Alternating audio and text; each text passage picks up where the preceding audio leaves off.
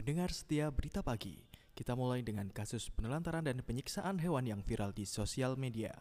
Salah satu yang menjadi sorotan akhir-akhir ini adalah kasus penelantaran empat ekor kucing di bekas salah satu cat cafe Yogyakarta. Mengutip dari situs berita kumparan, para kucing ditemukan dalam keadaan kurus kering dan kondisi kulit mereka nyaris botak. Keadaan kandang juga sudah tak layak tinggal, mereka ditinggalkan dalam keadaan tanpa makanan dan minuman. Kasihan banget kucingnya. Gak boleh gini nih. Suka hewan ketika mereka lucu-lucunya, tapi gak dirawat ketika mereka sakit. Padahal hewan juga makhluk hidup yang punya hak untuk kesejahteraan hidupnya. Yuk teman-teman, rawat dan sayangi hewan kita.